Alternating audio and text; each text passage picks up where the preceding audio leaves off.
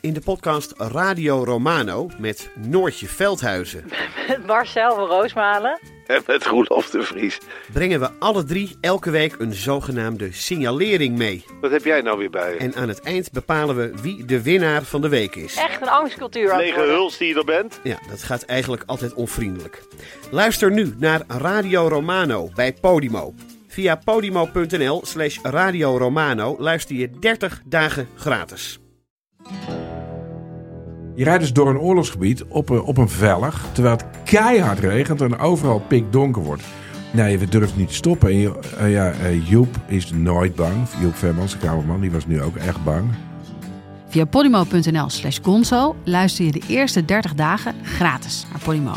podimo.nl slash gonzo. Het verdient geen schoonheidsprijs. Maar goed, we moeten gewoon verder. Schone lei, opnieuw beginnen en eh, verkennen. Dit is Betrouwbare Bronnen met Jaap Jansen.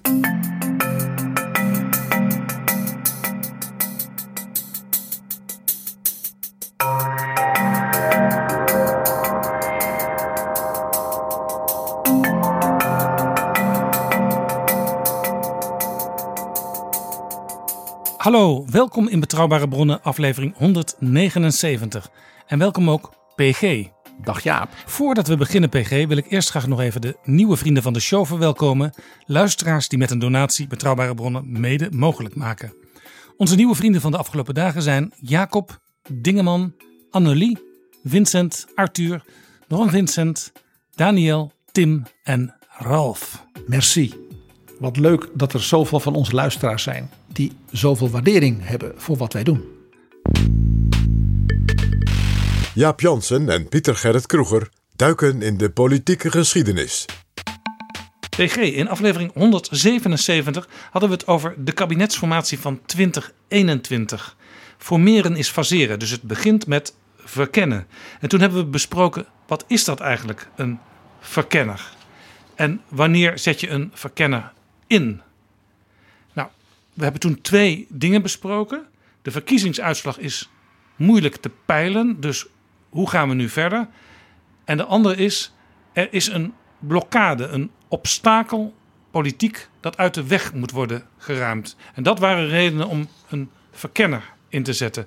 Nu hebben we er natuurlijk twee gekregen en die hebben zelf inmiddels voor een obstakel gezorgd. Nou ja, ik kan mij nog herinneren, Jaap, dat ik zei: hoe dan ook schrijven deze twee dames eh, historie, politiek parlementair. Want we hadden nooit eerder twee verkenners tegelijkertijd. En ook niet nog twee vrouwen en twee vicepremiers uit verschillende kabinetten als verkenners. Dus ze hadden al geschiedenis geschreven nog voordat ze eh, waren aangetreden. Dat was eigenlijk onze toen wat eh, opbeurende gedachte. En ja, ze hebben dat wel heel serieus genomen, dat geschiedenis schrijven. Hè? Ja, de verkenning die liep al snel vast. Want een van de twee verkenners, In het honderd, niet vast, in het honderd. Kajsa Olongren, eh, bleek besmet te zijn met het coronavirus. Toen dat bericht kwam, is mevrouw Olongren in alle haast naar buiten gelopen. En toen bleek op de foto van Bart Maart van het ANP dat leesbaar was een deel van de zaken die de twee verkenners wilden gaan bespreken in de tweede ronde met een aantal fractievoorzitters. En PG, jij hebt een hele goede bril. Wat lazen wij op dat papier? Nou Jaap, jij geeft nu een reconstructie van wat er gebeurd zou zijn. Jij nog ik weten of dat zo is. Of mevrouw Ollongren in allerhaast, omdat ze dat had gehoord, eh, met die map dan niet gevuld en aan de verkeerde kant zo liep. Dat is een interpretatie. Wij weten dat niet. De twee verkenners die nu zijn opgestapt, hebben zich niet naar hun opdrachtgever, mevrouw Ariep, verantwoord daarvoor. Eh, Er komt een Kamerdebat, maar dat is een Kamerdebat waarbij zij dan bereid zijn aanwezig te zijn. Met die opdrachtgever, mevrouw Ariep. En ik neem aan dat dus de nieuw aangestelde verkenners daar ook bij zijn. Ook dat schrijft weer geschiedenis. Dat hebben we nog nooit eerder gehad. Dat er twee verkenners aanwezig zijn en twee ex-verkenners die dan moeten uitleggen wat ze gedaan hebben en wat ze niet gedaan hebben. Dus ik ben voorlopig nog helemaal niet zo ver om de conclusies die jij nu al trok over wat er gebeurd zou zijn, om Ja. die te trekken. Nou ja, ik trek die omdat eh, de verkenners waren net, nou, heel kort, een aantal minuten bijeen in de ochtend. En heel snel liep verkenner Olongren naar de dienstauto met chauffeur om naar huis te gaan in quarantaine. Wat stond er nou op dat memo wat wij konden lezen? Daar stond relatief weinig in blokjes met uh, Romeinse 1, 2, 3 en 4 en zo. Dus dat waren echt korte uh, uh, zeg maar geheugensteuntjes voor als we een gesprek voeren met X, Y of Z. Dan moeten we niet vergeten ook die Romeinse 4 nog even aan te stippen. Het, het was eigenlijk een, een papier zoals iedereen dat wel eens maakt. Uh, die een belangrijk gesprek ingaat, of een serie belangrijke gesprekken. En dat zit in beginsel allemaal wel in je hoofd. Maar ja, je moet ook zorgen dat je niet nog iets belangrijks vergeet in zo'n gesprek. Ja, de, de term die uh, de auteur van het stuk, want we weten ook niet wie het gemaakt heeft, gebruikt is aandachtspunten tweede ronde VVD en D66. Dit is een hele belangrijke betiteling. Want dat betekent dat het aandachtspunten zijn. Het zijn dus geen wensen. Het zijn dus ook geen conclusies. Het zijn ook niet suggesties. Het zijn aandachtspunten. En ten tweede, ze waren voor de tweede ronde met maar twee fracties. Ja. Namelijk de fracties van VVD, dus met als zeg maar, woordvoerder daarvan Mark Rutte. En de fractie van D66 met als woordvoerder Sigrid Kaag. Het waren dus geen aandachtspunten voor enig ander gesprek. De suggestie die bijvoorbeeld gewekt werd door sommigen in de opwinding, zal ik maar zeggen, daarna. Dat dit gedachten zouden zijn voor een gesprek met bijvoorbeeld het CDA, is dus al per definitie onjuist. Nee, er staat wel onderaan het memo wat nog leesbaar is. Uitnodiging tweede gesprek CDA. Dus met andere woorden, als er eerst weer iets met uh, de grootste partij VVD en de ene grootste partij D66 besproken wordt, dan leidt dat waarschijnlijk, althans volgens deze volgorde, tot een uitnodiging voor een tweede gesprek met Wopke Hoekstra van het CDA. Er staat uitnodiging, tweede gesprek CDA daarna. Ja. Dus dat is nadat men met VVD en D66 de punten over de derde partij in de coalitie, en dat is in dit geval, in dit rijtje punten, dat zijn de Romeinse zes punten, is dat het CDA. En dat zesde Romeinse punt is uitnodiging tweede gesprek CDA daarna. Dus er moest eerst nog die vijf punten blijkbaar met die twee liberale fracties worden besproken. Om bij dat zesde punt te komen tot de vraag Bijvoorbeeld, zijn we zover voor een uitnodiging aan het CDA? Moet er komen een uitnodiging van het CDA? Want dat staat er natuurlijk niet. Het is, zoals ik zei, een geheugensteuntje. Dus er is aan de ene kant, is mijn indruk, in dit uh, memootje met aandachtspunten veel te veel ingelegd aan inlegkunde en interpretaties door de media, door mensen, ook uh, andere beschouwers. En aan de andere kant heeft men het ook niet precies genoeg gelezen. Want Jaap, ik heb er een aantal dingen in gelezen met, ik zal maar zeggen, de stofkam. Dus heel precies lezend, die ik bijna nog veel spannender en opmerkelijker en ook voor het Kamerdebat met die verkenners veel wezenlijker vind dan die vier woorden over Pieter Omtzigt. Ja, even nog, want jij zei aan het begin, wij weten niet precies wie dit memo geschreven heeft twee mensen die ook in die stadhouderskamer aanwezig zijn uh, en die wij nooit zien op de foto's en in de filmbeelden. Uh, dat zijn de secretarissen van de kabinetsformatie. En dat zijn dit jaar Bart van Poelgeest. Hij is in normale doen secretaris-generaal van het ministerie van Algemene Zaken. En Irene Jansen. Zij is raadsadviseur, ook van Algemene Zaken. En zij houdt zich uh, doorgaans bezig met sociale zaken en werkgelegenheid. En ik krijg net een bericht binnen van iemand die weet hoe het in die stadhouderskamer toegaat. En uh, die schrijft aan het begin van het fotomoment, dus als de fotografen binnenkomen, halen ze de stoel van de secretarissen even weg. Die komen pas later binnen. En het kan dus zijn, en het is eigenlijk ook waarschijnlijk, want dat is ook mede hun taak, dat uh, Van Poelgeest en of Jansen, en waarschijnlijk samen, zo'n memo schrijven. En ook dat, zeg ik maar meteen Jaap, weten we niet. Want elke verkenner, uh, informateur en dergelijke is weer een andere vrouw of man. De ene verkenner heeft bijvoorbeeld dit soort dingen zelf gewoon op een kattenbelletje geschreven. En dat wordt niet eens uitgetikt. En een ander die vraagt juist zo'n secretaris als een notulist.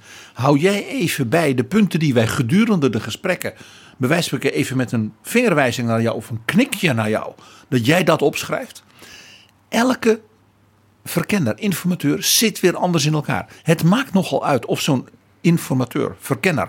bijvoorbeeld iemand meeneemt die hij als minister of als fractieleider al van haven tot god kent, als zijn rechterhand of notulist, of dat het inderdaad een ambtenaar is van het torentje, van AZ, want die zijn dat, die zo'n iemand niet of nauwelijks kent, wederzijds. Ja, misschien een aanwijzing dat het ook wel eens zo zou kunnen zijn dat Joritsma of Olongren uh, zelf dat memo hebben geschreven, kunnen we vinden, misschien, in een, een afkorting die gebruikt wordt.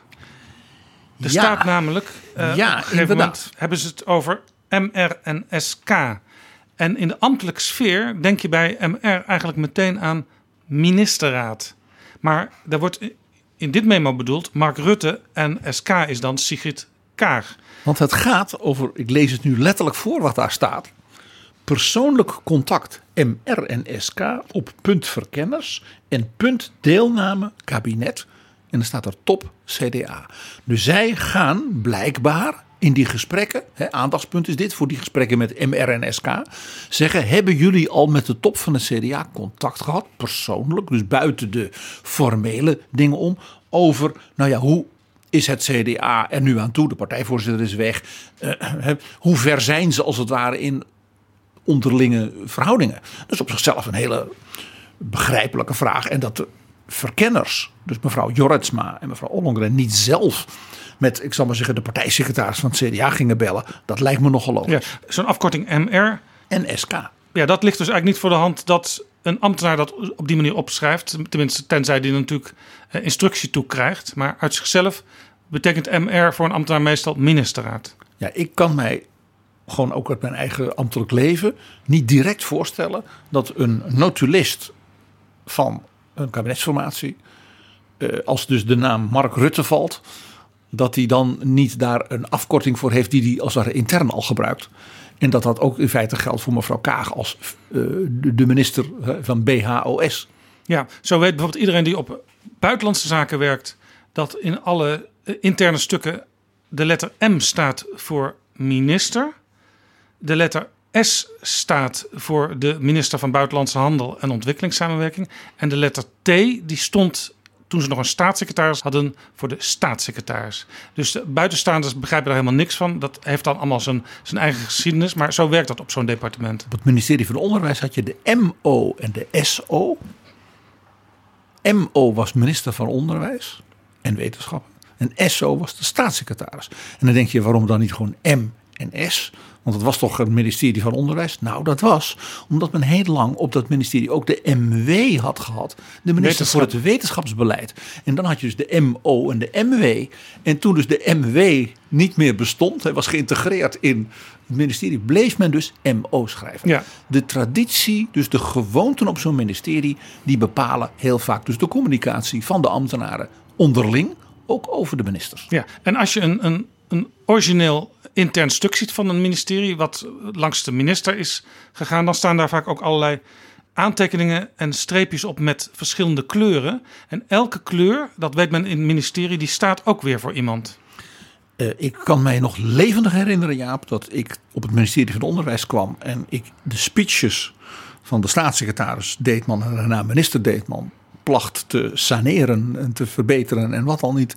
En dat mij bestraffend werd toegesproken na enkele weken dat ik dat nooit meer in het rood mocht doen. De enige die de rode pen mocht hanteren in een stuk naar de bewindslieden was de secretaris-generaal. En wie dacht dit ventje wel dat hij de kleur van de SG zou gebruiken? PG, daar is heel veel opwinding over ontstaan, eh, over dat memo. Dat mag je zeggen. Het heeft er zelfs toe geleid dat de twee verkenners eh, hun opdracht hebben teruggegeven. En dat er heel snel alweer nieuwe verkenners eh, zijn benoemd. Dat er dus ook een debat komt eh, deze week, waarschijnlijk woensdagmiddag, met uitgenodigd die oude verkenners. Die opwinding is die volgens jou terecht? Nou Jaap, daar heb ik eigenlijk meer dan één antwoord op. Het is bijna Joop de Nijl, hè? ja en nee. Twee Eh, dingen. Ja, twee dingen.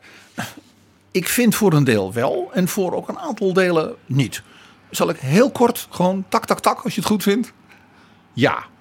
Mevrouw Ollongren is de vicepremier van een kabinet. Is in dat opzicht een ervaren bewindspersoon. Zij was bovendien, dat vind ik nog sterker, de secretaris-generaal, dus de hoogste ambtenaar van Algemene Zaken, dus van het torentje. Dus kabinetsformaties en de ondersteuning daarvan vielen onder haar. Dat is dus haar werk geweest. Nou, mevrouw Kaag had de verkiezingen een mooie uitslag en die zei: Ik wil iemand van mijn partij als verkenner naast iemand van de grootste partij. Ja. En zet daar neer mevrouw Ollongren. Ja, als je er dan in slaagt om binnen enkele dagen een kabinetsformatie bij de start zo te ruïneren, ja, dat, is, eh, dat schrijft geschiedenis, zei, zeiden we hiervoor al. Dus ja, die opwinding is terecht. Ja, overigens ook iemand die vanuit haar functie eh, ja, als een soort politieke supervisor van de geheime diensten eh, zich extra bewust moet zijn van het geheim houden van belangrijke stukken. Die mogen niet zomaar leesbaar te zien zijn. Nou ja, daar, daar, daar, zeg je iets. Tweede punt. eh, de uitleg die vervolgens kwam na het vertrek van de verkenners. In de brief, ja, die dan de vervolgverkenners, zal ik maar zeggen, eh, dan weer stuurde. Die maakte het er nou niet echt veel helderder op. In een aantal opzichten werd het zelfs erger. Eh, want toen werd ineens gezegd dat ze op allerlei ideeën waren gekomen door de media. Nou, dan komt de vraag natuurlijk onmiddellijk, oh ja, welke dan? Want in de media was helemaal niet gepraat over een heleboel van die dingen. Ja, er stond ook iets over een Kamerlid, hè, over Pieter Omtzigt. Bijvoorbeeld. Daar stond functie elders bespreken. En daarover zeggen Van Ark en Koolmees, de nieuwe verkenners, Tamara van Ark, Wouter Koolmees. De passage berust volgens onze voorgangers op een inventarisatie vanuit meerdere invalshoeken, waaronder berichten in de media. Ja, het, het is onder andere de media, het zijn meerdere invalshoeken. Het, is bedoeld als een, eh, eh, zo hebben onze voorgangers het tegen ons verteld vandaag, want we hebben daar natuurlijk uitgebreid mee gesproken. Het is bedoeld als een interne voorbereiding voor gesprekken met fractievoorzitters. Dit is niet bes- besproken, dit onderwerp, met de fractievoorzitters. eh, ook niet in de één op één gesprekken, maar meer bedoeld als een voorbereidingsnotitie. En daar eh, is gebruik gemaakt van allerlei bronnen, waaronder nou, krantenberichten, eh, talkshows en dat soort zaken. En ja, het eerste wat ik mij dan vraag. En ik hoop dat de Kamer dat dus die verkenners ook zal vragen. Wie heeft die inventarisatie voor u gemaakt en wanneer? Want u bent nauwelijks twee dagen eh, verkenner geweest. Dus die brief maakt het in zekere zin mysterieuzer. En ook, eh, het lijkt wel of de media de schuld zijn. Niet verstandig. En de reactie van Mark Rutte. En niet helemaal helder was welke Mark Rutte. Nou, de premier of de VVD-leider of de fractieleider. En het feit dat hij vervolgens zei dat hij dat ook mede namens Sigrid Kaag zei, maakte het ook nog weer een graadje erger. Ja, we gaan daar even naar luisteren. Rutte zegt, ik praat mede namens Sigrid Kaag als ik het heb over ehm, dit komt niet van ons, dat zinnetje waar Omtzigt in betrokken is. En Rutte zegt ook iets over de opheldering die uiteindelijk door een grote Kamermeerderheid geëist is. Van waar komt dit nou vandaan? Eh, en ze willen uitleg dus van die oude, voormalige verkenners. Rutte. Ik kan u wel zeggen, ik heb er ook even contact over gehad met eh, Sigrid eh, Kaag eh, vanavond. Dus ook namens haar kan ik zeggen dat wij in ieder geval in onze gesprekken het niet hebben gehad over Pieter Omtzigt. Omdat hij zo zichtbaar in die stukken naar voren kwam. Maar ja, verder moet het weer snel op de rails. Heeft u überhaupt over de heer Omtzigt gepraat in die gesprekken? Nee. En ook Sigrid Kaag niet. Nee, Kan het dan in die stukken terechtkomen? dat weet ik niet. Maar goed, eh, ik kan u alleen zeggen wat ik gedaan heb. Gaat iemand van het kabinet daar nog verantwoording voor afleggen? Of mevrouw Ollongren is nog minister. Nee, mevrouw Ollengren was daar als verkenner. En dat is nu gestopt. Gaat een verkenner daar nog verantwoording over leggen? Gaat iemand daar verantwoording over leggen? Nee, ze hebben een verkennersopdracht van de Kamer. Dat is gestopt en er zijn nieuwe verkenners. Ja, en die doen dat ze voor eh, schone lei is en die kunnen daar ook niks over vertellen. Dus niemand gaat daar uitleg over geven. Nee, dat kan nog niet. Nee, dat gaat niet. Ik kan u alleen zeggen dat... eh, voor- Het komt wel heel goed uit dat niemand er uitleg over kan geven. Nee, het is heel vervelend wat hier gebeurd is. Dit is ook opmerkelijk, hè? want Rutte die staat hier alsof hij eigenlijk zo'n beetje de baas van alles is. Hè? Alsof hij eh, de premier is die de kabinetsformatie aanstuurt. Wat natuurlijk staatsrechtelijk totale onzin is. Eh, Nou, jij zegt het, het is totale onzin. De opdrachtgever van die verkenners is mevrouw Ariep. Dus als er een Kamerdebat komt, dan is het mevrouw Ariep en haar presidium die dat dus als het ware, ik zal maar zeggen, in, inschakelen in de agenda van de Kamer. En die bepaalt ook wie daarbij zijn. En die bepaalt ook, als het ware, de orde van dienst van mevrouw Ariep zit dat voor. Ja. De minister-president, die toevallig dan ook nog de VVD-onderhandelaar is, ja, gaat daar dus nog als VVD-onderhandelaar, nog als individueel Kamerlid en al helemaal niet als de bewoner van het torentje over. Ja, Ariep heeft eh, later ook gezegd: deze hele gang van zaken verdient geen schoonheidsprijs. Maar dat zou je dus ook kunnen laten gelden voor de manier waarop Rutte ermee om is gegaan. Uh, ik denk dat mevrouw Ariep vanuit haar rol als Kamervoorzitter dat laatste daar zeker een onderdeel van maakte. Ruud Lubbers zou zeggen: dit is er één in de categorie eens maar nooit weer. Nou, dus ik zeg ja, opwinding, die dus bovendien door die brief en door de reactie van Rutte mede namens Kaag, die verder zelf niets zegt, wat ook opmerkelijk is, dus is verergerd. PG, interessant ook in de brief die Van Ark en Koolmees hierover aan de Kamer schrijven, aan de voorzitter van de Kamer, is wat zij aan het einde schrijven. Wij betreuren het zeer dat een lid van uw Kamer op deze wijze onderwerp is geworden van vertrouwelijk overleg en vervolgens van een publieke discussie. Hiermee is het vertrouwen geschaad. Wij vinden dat dit niet had mogen gebeuren. Dit hebben onze voorgangers ook bij ons aangegeven. Dit, hier staan een heleboel dingen tegelijkertijd in, in dit korte stukje. Er staat in ieder geval een tik op de vingers in van hun voorgangers, zo lees ik het althans. En dat die voorgangers dat achteraf ook beseffen. Ja, dus dat moest ze blijkbaar toch eventjes aan het verstand worden gebracht. Want het kan natuurlijk niet allebei waar zijn dat ze dat altijd al gevonden hadden, want dan hadden ze het niet op die manier gedaan. En daar staat ook, het is onderwerp geworden van vertrouwelijk overleg. Dat betekent dus dat er blijkbaar ook al over de heer Omtzigt gesproken is. Er staat iets. Ja, ja, ik ben dol op close reading. Jij ziet dit goed. Er staat iets nog veel leukers. Dat het. Ze betreuren dat het op deze wijze onderwerp is geworden van vertrouwelijk overleg. het had dus wel gekund en misschien ook wel gemoeten, maar nooit op zo'n klunzige manier. Precies. We vinden eigenlijk dat dat best had gekund, maar ja, het is wel een beetje dom. Ja. Je was een beetje dom, zou Maxima zeggen tegen Ollongren hier. Ja. Ja. Terwijl iedereen zegt: dit is volstrekt ontoelaatbaar. Dat een individueel Kamerlid. En men, het is al onhandig, zal ik maar zeggen. Dat het dus in dat lijstje aandachtspunten zo stond. Maar nu staat er dus dat het zelfs ook in vertrouwelijk overleg aan de orde is geweest. En dat wekt dan toch weer de indruk, onbedoeld mag ik hopen, dat dus die aandachtspunten meer zijn dan aandachtspunten. Dat er dus ook wel degelijk een aspect van notulering in die aandachtspunten is besloten. Ja, nou, zit, zit dat lijkt een- mij een punt ja. ook voor dat Kamerdebat. Ja, zit, want er zit ook wel een rare eh, tegenstelling nog in de brief zelf. Het is dus onderwerp geworden van vertrouwelijk overleg. Maar in het begin van de brief staat dat het op geen enkele wijze met de gewezen lijsttrekkers is besproken. Dus ja, in, in welk vertrouwelijk overleg heeft het dan, is het dan een onderwerp geweest? Tussen de twee verkenners zelf. En die hebben dit dus zelf bedacht, zou je dan concluderen, op grond van dingen die zij meenden te hebben gehoord in de media.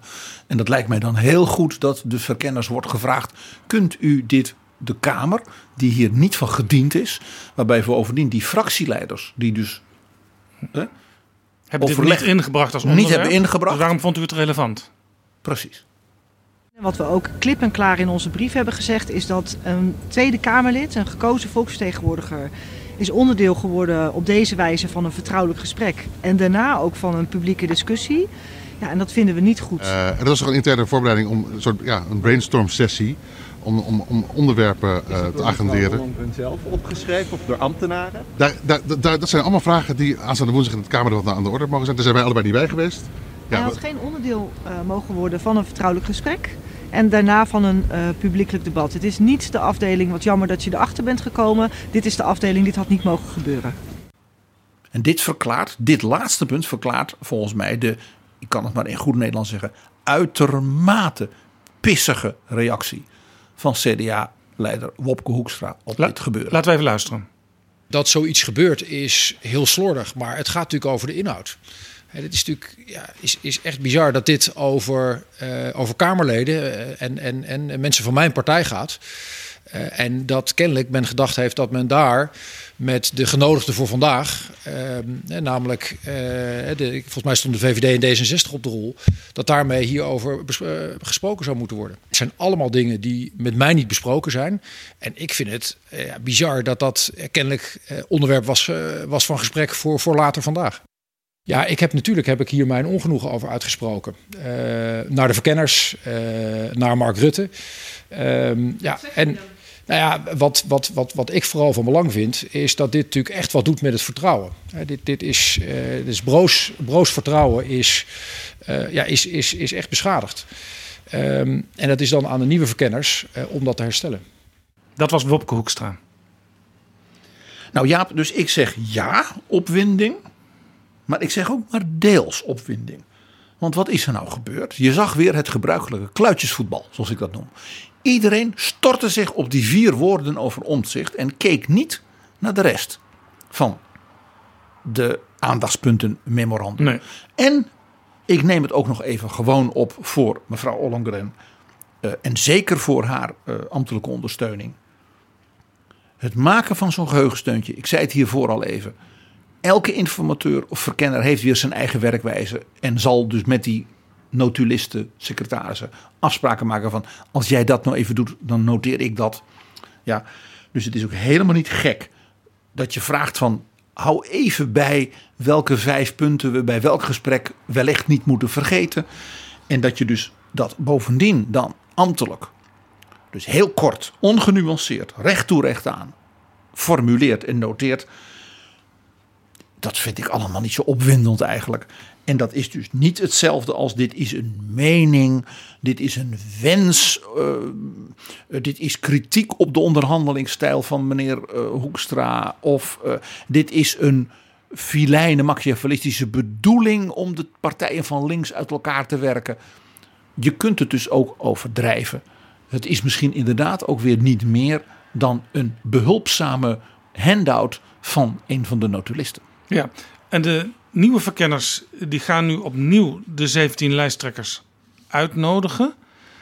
Er wordt dan gezegd, we beginnen helemaal opnieuw. Maar je begint natuurlijk nooit helemaal opnieuw. Want je draagt de geschiedenis, en zeker de recente geschiedenis, met je mee. Maar de werkelijkheid, dat is het mooie van de geschiedenis, heeft zich altijd getransformeerd naar een nieuwe. Ja, het is ook al vaker gebeurd. Hè. We, we hebben het er in de vorige aflevering over gehad. In 2010. Het is, het is laten we even nuchter weer, net als bij mijn vorige punt met, met die notitie. Dat, een, dat een informatiefase, een verkennersfase gewoon overgaat, is helemaal geen ongekende drama en ramp en dat land staat op instorten. Wel nee. In 1977 is de complete kabinetsformatie overgedaan nadat hij al maanden ja, tot niets had geleid met dank aan Piet Rekman en de PvdA. In 2010, we hebben het in een recente editie erover gehad, Ja, heeft 177. Beatrix geïrriteerd het werk van de goede uh, Uri Roosentaal helemaal over laten doen. En in 1982 zei Ruud Lubbers over de verkennersoperatie van Jos van Kemenade een volstrekt zinloze exercitie. En die is dus ook onmiddellijk gewoon zeg maar, in een map gestopt en weggedaan en helemaal overgedaan. Ja. Dus ach. Ja, nou leven PG nu in de, de, de post-verkiezingenperiode. En tijdens die verkiezingscampagne hoorden we elke dag uit alle kanten de roep om nieuw leiderschap. Hebben we dat nu gezien de afgelopen dagen, dat nieuwe leiderschap? Uh, beste Jaap, als ik hier nu allerlei schimpgeut, scheuterige of andere cynische opmerkingen over maak, dan krijg ik het verwijt dat ik uh, natuurlijk een bepaalde partij en een bepaalde lijsttrekker uh, zwart maak. En ik kijk wel uit. Ik wijs op één ding wat mij opviel, en dat is bladzijde 2 van de brief van Sigrid Kaag namens haar fractie D66 aan die verkenners, dus helemaal aan het begin. En die pagina 2 gaat in belangrijke mate over maar één onderwerp. Dus het onderwerp waarmee iedereen en honderdduizenden kiezers Pieter Omtzigt, de nummer 2 van de CDA-lijst, zeg maar identificeren. Ja, belangrijk, ik lees even voor, belangrijk om te spreken over de politieke cultuur. De afstand tussen coalitiefracties en kabinet is het afgelopen decennium kleiner geworden, waarmee ook de afstand tussen coalitie en oppositie is toegenomen. verschillende parlementaire onderzoekscommissies en partijen. En daar bedoeld zijn natuurlijk zowel de toeslagen als die commissie die nog breder keek naar al die uitvoeringsorganisaties, wijzen op het belang van aandacht voor de uitvoering van wetgeving en meer kritische distantie tussen parlement en kabinet. Het is belangrijk dat deze ruimte er is, ook om nieuwe inzichten over de uitvoerbaarheid of gevolgen van beleid een plek te geven. Als je dat als aanvoerder van nieuw leiderschap aan de verkenners als eerste grote thema voor een formatie aanwijst, dan is het wel heel opmerkelijk als je vervolgens zegt, als je zou zeggen van kan die omzicht niet weg. Maar is het niet nog opmerkelijk wat hier aan vooraf ging, PG, namelijk uh, dat mevrouw Kaag dit geschreven hebbend ook uh, verantwoordelijk is voor het naar voren schuiven van iemand uit de kern van de macht, namelijk mevrouw uh, Olongren, minister, samen met mevrouw Joritsma, fractievoorzitter van de grootste partij in de Eerste Kamer. En als daar een akkefietje blijkt te zijn en ze weg moeten twee nieuwe mensen aan te wijzen, die in feite nog dieper in de macht zitten, want die zijn allebei minister in het huidige kabinet Rutte. Sterker, één van hen heeft mevrouw Ollongren een tijd lang vervangen als vicepremier. Namelijk de heer Koolmees. Ja. Het, dus... is, het één ding is heel duidelijk. Uit dit hele ding kun je tenminste één les trekken, Jaap. En dan stop ik ook meteen met, met dit onderwerp. En dat is, men heeft ten onrechte niet wat ik altijd maar noem een wijze oude geit. Een type Jan de Koning. Gevraagd van ga jij eens heel rustig met iedereen praten. En kijk wat nu de onderwerpen zijn. De inhoud en de mogelijkheden. Ja, zo'n wijze oude geit die sprak bij WNL op zondag en die heet Henk Kamp. Die is zelf ook uh, verkenner geweest in 2012. En zijn verhaal kwam er eigenlijk op neer. Ja, zo'n verkenner heeft eigenlijk maar een hele beperkte opdracht in zo'n eerste fase. Die krijgt ongeveer een week van de Tweede Kamer. Om gewoon netjes uit te zoeken, op een rij te zetten in de gesprekken. Uh, welke uh, combinaties mogelijk vruchtbaar zijn. En met welke combinatie als eerste gestart kan worden. Om verder te verkennen, maar dan in een meer informerende fase van de kabinetsformatie? Nou, Henk Kamp, die over het algemeen vrij helder formuleert, die is echt gewoon vernietigend voor het duo Jorritsma-Ollongren. Laten we even luisteren. Nou, waar die verkenners mee bezig zijn geweest. Die verkenners die hebben uh, zich bemoeid met de, met de, de, de houding van, uh, van Hoekstra. Hoe die zich in de onderhandelingen uh, opstelt. Met de positie die hij straks moet gaan krijgen. Met omzicht die eventueel wat anders moet gaan doen. Ja, dat zijn geen dingen die in de verkenningen horen. Maar dat hebben ze Kijk, toch ook niet uit zichzelf gedaan, denkt u wel? Ik, ik, neem aan, dat kan, ze hebben er nog niet over gesproken, denk ik. Ik denk dat ze papieren bij zich hadden met onderwerpen waar ze over wilden gaan praten in die tweede ronde. Ik weet niet wie die papieren hebben gemaakt. Ik maakte ze altijd zelf. Het kan ook zijn dat anderen dat voor ze uh, gedaan hebben. Het kan ook zijn dat ze daar een selectie uit maken van wat ze wel of niet bespreekbaar willen uh, maken. Maar het zijn geen, die onderwerpen waar het over gaat. Hoekstra, hoe de linkse partijen zich uh, opstellen ten opzichte van wat ze voor de verkiezingen hebben gezegd.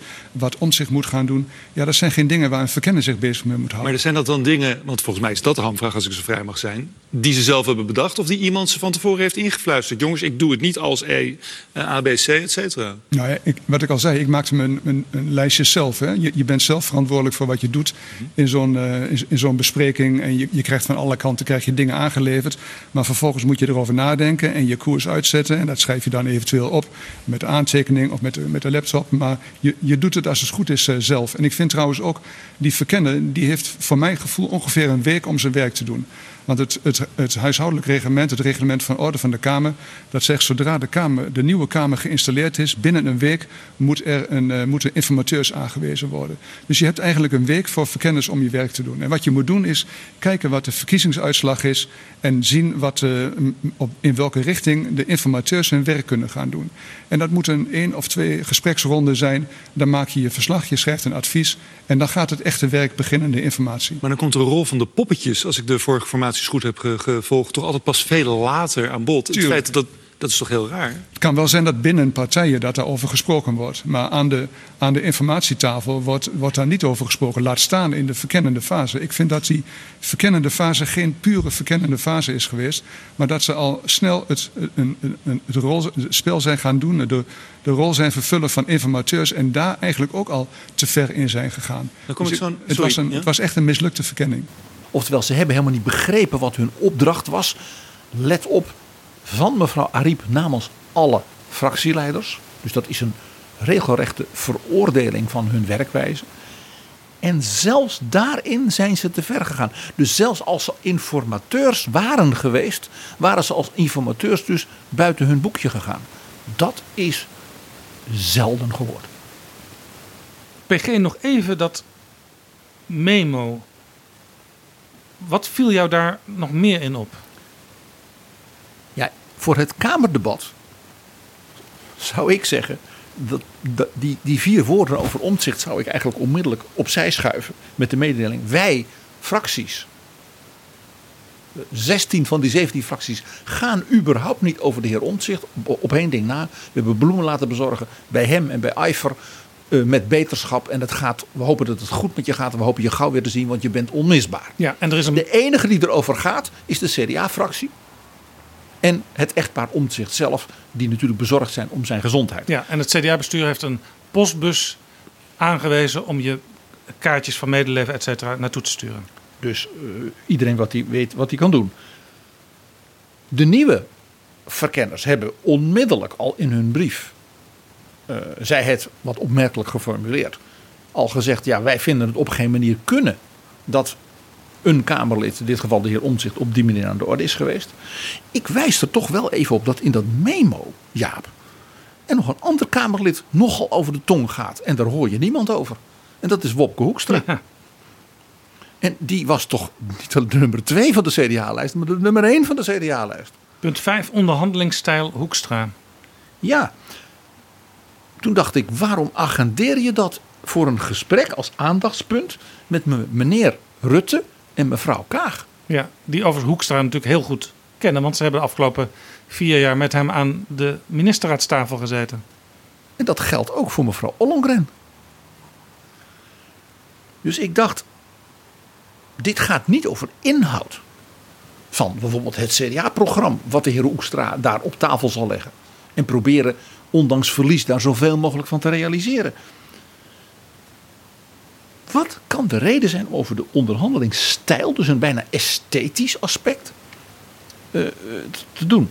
Dus ik dacht een beetje, zo, hebben de nonnen in Vught geklaagd over dat, ze, dat zijn, uh, zijn, lessen in het Frans niet goed genoeg waren? Heeft Bruno Le Maire, de Franse minister, geklaagd via de partij van Macron bij de Liberalen in Nederland over. Oh, jij bedoelt eigenlijk dat Wopke Hoekstra, die heeft in Europa, vooral ook in Zuid-Europa, de naam dat hij nogal vaak nee zegt. en Monsieur een, Non. En pas in een hele late fase misschien nog even ja dat dat nu ook wel weer aan de orde zou kunnen zijn in deze formatie. Ja, of was dit een zorgpunt, aandachtspunt, waarschuwing meer van mevrouw Ollongren als lid van het kabinet en collega van Rutte en Kaag aan mevrouw Jortsma, want dat zou ook nog kunnen, dat het voor de interne communicatie tussen die twee dames was. Want dan zeg ja, Annemarie, jij kent die Wopke niet zoals ik hem ken. Nee, want jij ziet hem alleen maar vanuit jouw bankje in de Eerste Kamer en dat is toch wat afstandelijker dan ik hem ken. Dus ik zou, als ik in dat Kamerdebat, wat God verhoede, een rol zou spelen, hier die twee na bevragen. Waarom stond dat daar? Wat was de porté, de betekenis en het belang van het aandachtspunt voor het overleg, onderhandelingsstijl Hoekstra? Ja, lijkt me een goede vraag voor Laurens Dassen van Volt. Want die is toch ook een beetje de man van de Europese inbreng. En Jaap, er is één ding, en dat staat eigenlijk meteen ongeveer in het begin van dat memo. En dat vind ik zowel qua inhoud als qua gewicht en omvang van het geheel van de kabinetsformatie dermate belangrijk. Dat ik eerlijk gezegd verbijsterd was dat niemand daarover begon. En dat is? Dat is de passage, en ik lees het nu letterlijk voor. Het is punt 2 van het eerste blokje, dat heet terugkoppeling. Dus dat is de terugkoppeling, denk ik dan, van mevrouw Jorritsma en Ollongren naar Rutte en Kaag. En het tweede punt, dat is inhoudelijke thema's. Streep. Nationaal herstelplan, haakje open, zie bijgevoegd overzicht, haakje sluiten. Ja, PG, dat kunnen denk ik twee dingen betekenen. Dat kan heel veel betekenen, dus noem jij eens welke twee. Uh, met de 17 fractievoorzitters is gesproken welke thema's hebben voor uw fractie prioriteit? Nou, daar hebben ze in hun brieven aan de verkenners ook al het een en ander over gezegd. En op camera en microfoon ook. Uh, bijvoorbeeld klimaatbeleid is voor mijn fractie heel erg belangrijk, zegt een fractievoorzitter. Uh, Nationaal Herstelplan Migratie. staat daar ook. Uh, dat is natuurlijk een ding wat in de campagne, Tweede Kamerverkiezingen, door Rutte heel erg is, is benadrukt van we moeten helemaal in het begin van die formatie het al eens worden over een nationaal herstelplan. En dan pas praten we verder. Daar hebben we Rutte eigenlijk na de verkiezingen op die manier niet meer over gehoord. Maar alle partijen hebben wel een idee over hoe wij uit de coronacrisis zouden moeten komen. En hoe dat zeg maar, economisch en financieel moet worden aangepakt. Nou, dat is, dat is de, het ene wat mogelijk is. Het andere wat ook mogelijk is, maar het kan ook allebei waar zijn. Er wordt in de ambtelijke sfeer eigenlijk al een heel jaar voorafgaand aan uh, zo'n kabinetsformatie worden lijstjes gemaakt. Er is bijvoorbeeld een studiegroep begrotingsruimte die allerlei overzichten maakt. Er is de inspectie Rijksfinanciën die daar, zich daar ook altijd uh, mee bemoeit. Ambtenaren op algemene zaken die hebben al lijstjes van uh, dit zijn gevoelige thema's als je die en die fracties bij elkaar zet. Dus dat zal allemaal onder dat kopje kunnen vallen, PG. Ja, zou zomaar kunnen. Inhoudelijke thema's. Dus in de, bij de terugkoppeling moeten we een aantal inhoudelijke thema's afwandelen. Lijkt me verstandig. En dan komt dus dat woord Nationaal Herstelplan, zie bijgevoegd overzicht. Nou is het natuurlijk niet weg te poetsen, omdat dit dus bedoeld is voor een gesprek met Rutte en Kaag. Dat Rutte heeft gezegd in de verkiezingscampagne: ik wil een nationaal herstelplan maken. En dat moeten we eigenlijk los van de kabinetsformatie doen. Dus los van mevrouw Jorritsma en Ollongren. Waarbij dus Rutte in feite tegen de kiezer zei: ik ga u niet vertellen hoe ik dus de grote problemen van dit land na de verkiezingen wil gaan oplossen, stem op mij. Dat was al opmerkelijk. Ja, geef mij uw vertrouwen. Waarop Bob Koekstra in de campagne zei: ik, ik heb al een soort van plan, dus dat kunnen we dan meteen meenemen. Voert u dat dan maar uit. En ja, die woordjes, zie bijgevoegd overzicht, ja, die intrigeren mij. Want het zou dus best eens kunnen dat mevrouw Ollongren, die dat stuk in haar hand had en dus een bijgevoegd overzicht had. Want ik zie zelfs op de foto dat er inderdaad nog bladzijden achter zitten en mevrouw Jorritsma beschikken over een zeg maar first draft concept van dat Nationaal Herstelplan, dat de kiezer dus is onthouden. En ik denk dus dat de Kamer aan hen moet vragen: geef ons dat bijgevoegd overzicht. Zodat helder is waar ook Koolmees en Van Ark, als het ware bij het onderwerp inhoudelijke thema's, het met de Kamerfracties, die dan een coalitie zouden kunnen gaan vormen, over gaan hebben. Ja. En dat nationaal herstelplan dat kan dan een plan zijn van de gewezen lijsttrekker van de VVD. Of misschien zelfs al in de boezem van het oude kabinet liggen. Of inderdaad het werk van buitengewoon ijverige, uh, voor de goede zaak van het land zich inzettende ambtenaren van bijvoorbeeld AZ en het ministerie van Koolmees zelf en het ministerie van Hoekstra en de Sociaal-Economische Raad en het Centraal Planbureau. Want dat zijn allemaal mensen die juist in deze crisis, denk aan het coronacrisisteam onder leiding van Mar Mariette Hamer, met wie wij daar ook over hebben gepraat, dat die zeggen wij hebben iets voorbereid. Maar meld dat dan. Want zoals het er nu staat, riep, riep het bij mij, maar dat hoor je al Jaap, vooral heel veel vragen op en in zekere zin veel meer vragen dan de passage over Pieter Omtzigt. Dit is Betrouwbare Bronnen, een podcast met betrouwbare bronnen. PG, elke kabinetsformatie heeft weer zijn eigen bijzonderheden en eigenaardigheden. Dat is dit keer opnieuw gebleken, ja. Zijn er nou in de geschiedenis voorbeelden waarvan jij zegt, nou dat is misschien wel leuk om die er nu even bij te halen. Gezien wat we nu de afgelopen anderhalve week aan ons oog hebben zien voltrekken.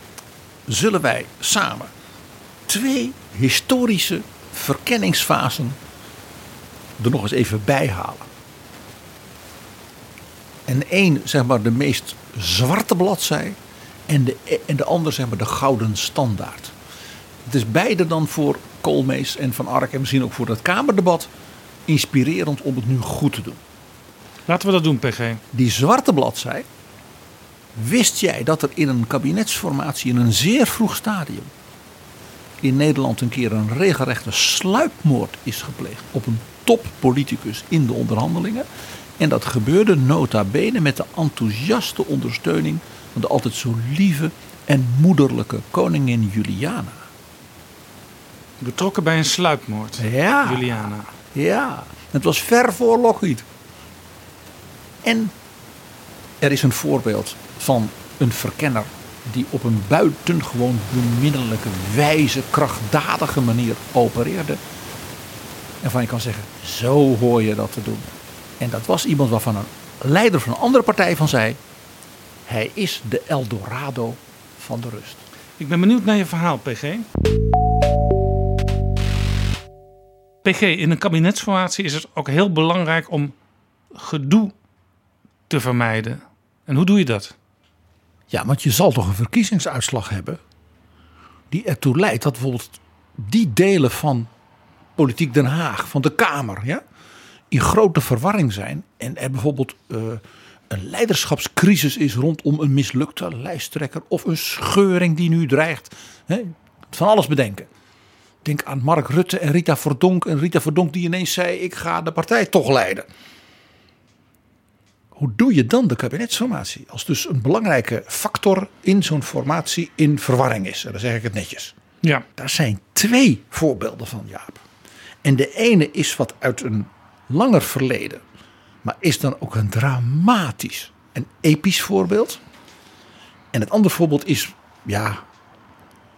Nou, in de ogen van Ruud Lubbers. zeg maar de gold standard. van hoe je op een wijze manier problemen in een formatie aanpakt. Kun je ons dat eerste voorbeeld geven? Ja, we gaan nu naar 1963. En achteraf weten wij nu, in de politieke geschiedenis, dat is de laatste keer geweest in het Nederland van de 20e eeuw. Dat wat men toen de confessionele partijen noemde, dus de Katholieke Volkspartij, de ARP en de CHU, samen bij de verkiezingen een prachtig groot resultaat haalden. De KVP ging van toch al niet geringe 49 zetels naar 50. En de antirevolutionaire haalde de 13 en de CAU won en ging van 12 naar 13. Ja, precies 76 zetels. Ze konden dus als het ware met z'n drietjes regeren. Als eerder verteld ook in deze podcast deden ze dat nooit. Altijd een ander erbij, omdat je in het Nederland van de verzuiling meerdere minderheden met elkaar moest verbinden. Dus katholiek, protestant, liberaal of sociaal-democratisch. Ja, dat is eigenlijk wat in andere zin nog steeds geldt. En daarom vond ik het altijd wel raar als in de campagne werd gevraagd in een interview, bijvoorbeeld in de Volkskrant deden ze dat standaard. Wat zou u doen als u de meerderheid had met uw partij? Wat zou u doen op dag 1 na de verkiezingen? En een serieuze partijleider zou dan zeggen: dan zou ik onmiddellijk nieuwe verkiezingen uitschrijven om te voorkomen dat ik die meerderheid zou hebben. Nou, in 63 dus een triomf voor uh, zowel de CHU als de KVP. En wat veel minder bekend was, ook naar buiten toe. De KVP, dus de triomfator, was in interne problemen. De ja, dominante partijleider zeg maar, van die partij in de hele naoorlogse jaren, dus van Romme? de wederopbouw, Romme? Karl Romme, uh, die stopte als partijleider ook omdat hij, ik denk wij zouden nu zeggen, toch wel vrij snel merkte dat hij oud werd. Uh, hij heeft relatief nog lang geleefd, maar nooit meer een zeg maar, prominente politieke rol kunnen spelen. Nee, hij is in de Raad van State gaan zitten. Ja, dan nou wil ik niet zeggen dat lid van de Raad van State zijn uh, een, teken is van vroegtijdige veroudering. Dat zou naar Tom de Graaf niet aardig zijn. Maar Romme werd dat gegund omdat het duidelijk, Ja. hij kon het niet Aan meer Romme moeten we misschien nog eens een aparte aflevering wijden. Want ik vond het bij hem altijd heel mooi. Het was allemaal voor mijn tijd. Maar hij zat altijd in de eh, achterste bankjes van de Tweede Kamer. Hij was de partijleider. Eh, maar hij had weinig goesting om, om zelf eh, aan het stuur te zitten als, als minister. Hij wilde eigenlijk zijn macht vanuit de Tweede Kamer eh, laten gelden. En vanuit zeg maar, de katholieke zuil, de katholieke wereld van Nederland van die tijd. Die dus hè, een derde van de stemmen in zijn eentje had, 50 zetels. En van daaruit dus ook een soort permanente basis was van stabiliteit. Maar zeker de persoon Romme en het soort mensen van die tijd is zeer interessant. Wat was er aan de hand in 63? Romme was dus weg. Wie, wie, wie was eigenlijk de baas toen in de KVP? Niemand. Dat was het meest opmerkelijke. De minister-president, wiens kabinet van vier jaar lang als het werd beloond met die prachtige verkiezingsuitslag, Jan de Kwaai, was zo blij dat hij geen minister-president meer zou zijn. Hij verlangde zozeer naar rust dat hij eh, zeg maar, wegholde. Hij leek een beetje op, op, op zoals Van Acht zich wel eens poseerde. Hè? Zo van ja, het, het, we zijn maar een klein vlokje in een, in een oceaan van, eh, van, van, van niks. Wat doe ik hier eigenlijk? Jou, jouw achterjaans proza wordt per keer dat we het over hem hebben mooier, Jaap. Uh, maar uh, bij Van Acht was het nog meer toneel dan bij Jan de Kwaai. Want van Jan de Kwaai zijn de dagboeken bewaard gebleven. En daaruit blijkt dat het bij hem ook echt zo was. En bijvoorbeeld zijn aantreden als premier dus voorafgegaan was door weken van zeg maar, depressie, ja. angstaanvallen en wat dan niet. Ja, het is echt geweeklaag van hier tot daar. Het zijn prachtige dagboeken. Zeker, zeker. Nou, dus de kwaai was weg. En het was gewoon heel helder dat er een zeg maar, nieuwe generatie mensen beschikbaar zou zijn een aantal van de mensen die in de jaren 50 als het ware onder rommen naar voren waren gekomen. Moet je denken aan mensen als Jozef Luns, Marga Klompé, uh, Gerard Veldkamp. Uh, dat waren echte politieke zwaargewichten en die waren niet oud, dus die konden doorgaan. En er zou dus een nieuwe generatie als het ware aanschuiven. En de figuur die daar, zeg maar, de zichtbare figuur van was, was de heer De Kort. De heer De Kort. Wim werd, De Kort. Ja, en die werd de fractievoorzitter. En zou dus ook de onderhandelaar van dus die winnende grote Waar kwam die vandaan? Ja, uit de KVP natuurlijk, maar uit welke hoek? Ja, ik geloof een beetje meer uit het middenveld.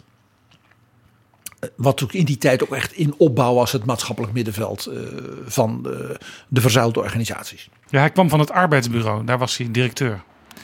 Ja, was, uh, was hij niet ook nog van de politiebond en dergelijke? Echt het maatschappelijk middenveld, dus vakbonden, uh, professionele organisaties en Ja, dergelijke. en heeft- klassiek zouden wij nu zeggen. En hij heeft gewerkt bij de metaaldraadlampenfabriek Volt. Het was een man van de toekomst.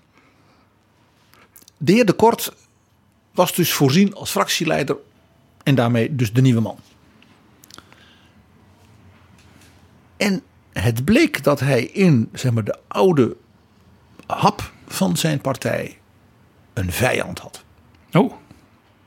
Hij was duidelijk dus niet door deze man zeg maar, klaargestoomd voor de toekomst en hem dus dankbaar. En dat was Louis Beel. Louis Beel is een hele bekende naam. Als je oude eh, verslagen van kabinetsformaties leest, dan kom je heel vaak de naam Louis Beel tegen. Hij is zowel premier geweest als vicepremier. En hij was eh, ja, de vicepresident van de Raad van State. Eh, en Wim Kan is geloof ik de bedenker van de grap dat er op Paleis Soesdijk zo'n eh, brandalarm was. Dat als er dus iets was, dan, dat dan de koningin dat op die knop kon drukken bij brand, bel, beel. Hij werd eh, ook wel eens genoemd Papa Beel. Zo van eh, de vader die alles eh, goed kon maken. Ja. Eh, hij was zeker voor koningin Juliana eh, eh, ja, onmisbaar. Eh, eh, koningin Juliana was natuurlijk een grillige vrouw, was een nerveuze vrouw. Heel onzeker van haar, eh, ja, van haar talenten, zal ik maar zeggen. Eh, en Beel had dus blijkbaar een soort rustgevende, inderdaad wat vaderlijke werking. En Beel was ja, het soort katholieke politicus waar een heleboel mensen, ook in die tijd en zeker later, een diepe hekel aan hadden. En ook een zeer machtsbeluste eh, man die zijn Machiavelli kende.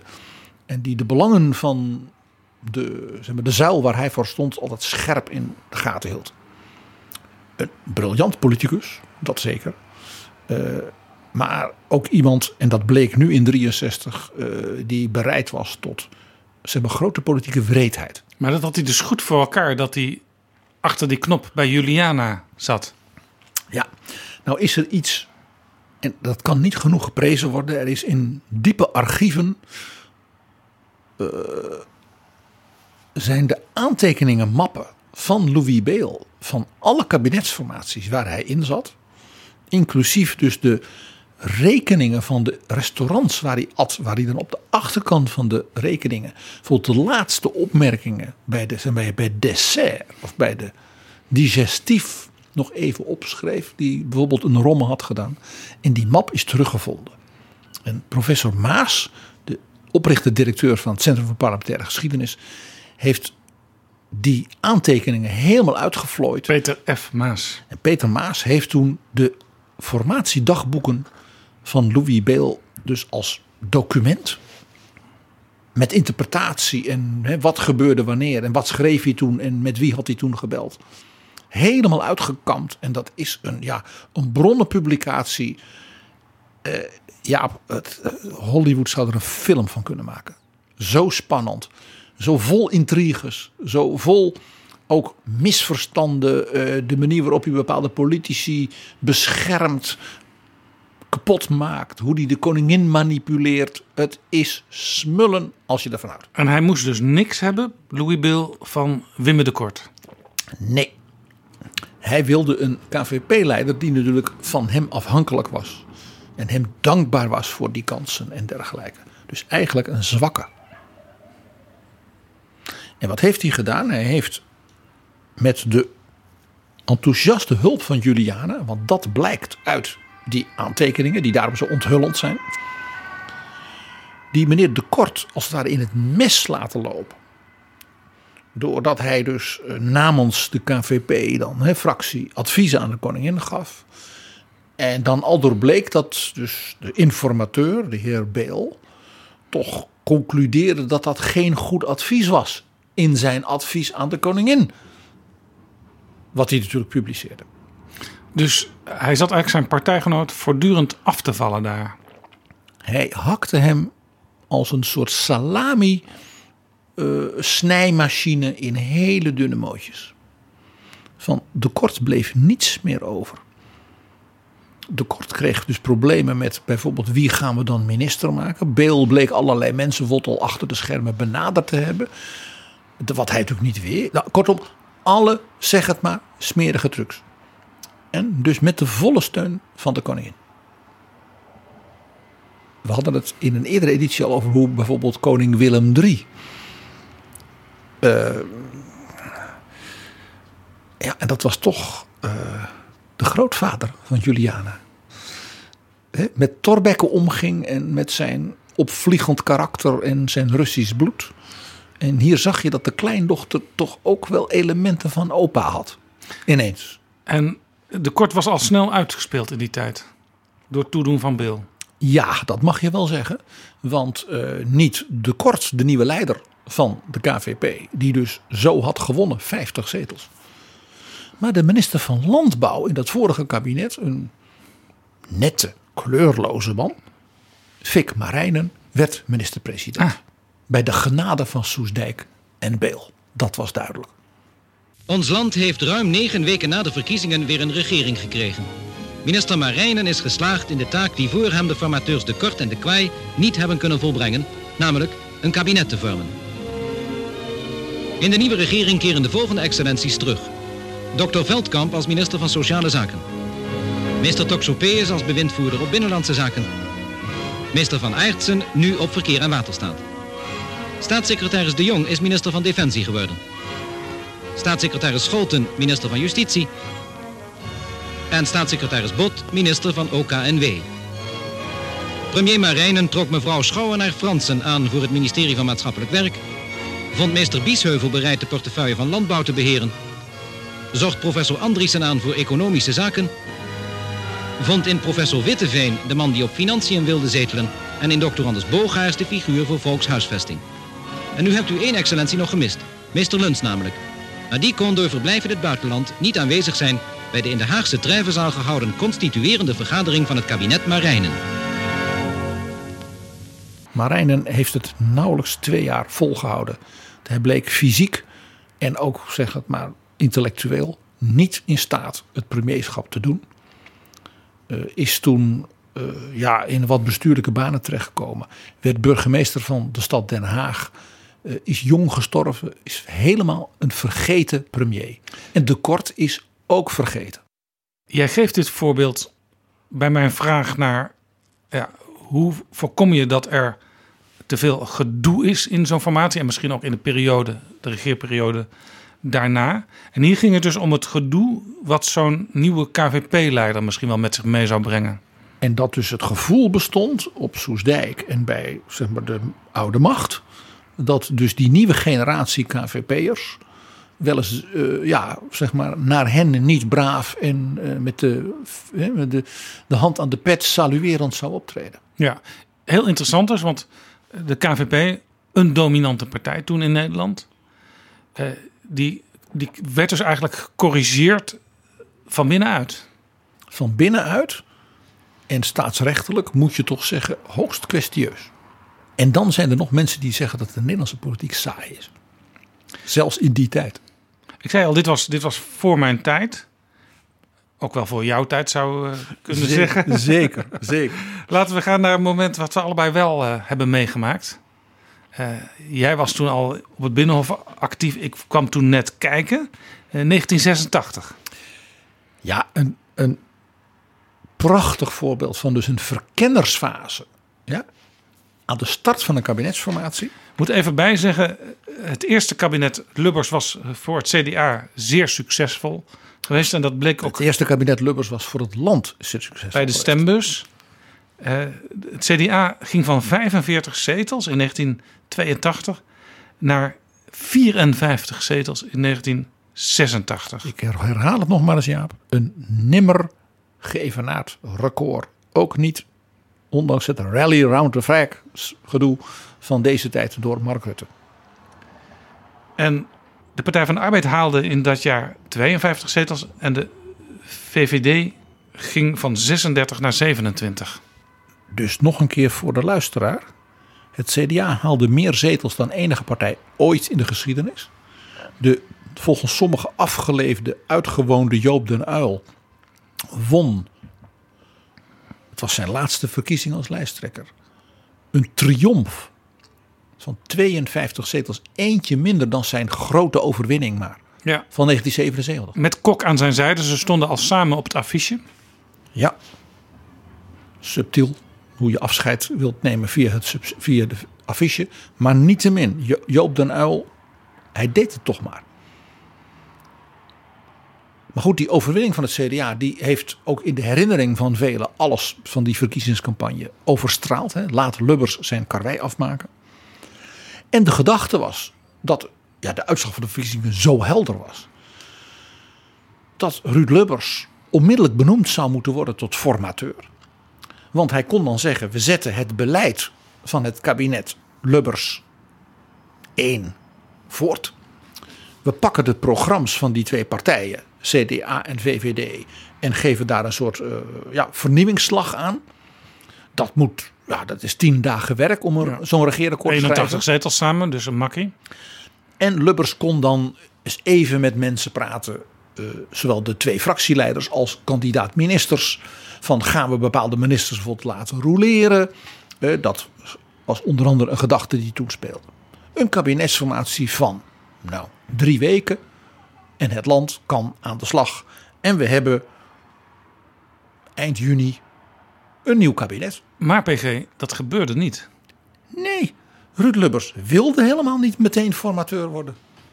En daar had hij twee redenen voor. En die eerste, die is alles een keer in een compleet andere aflevering van Betrouwbare Bronnen langsgekomen.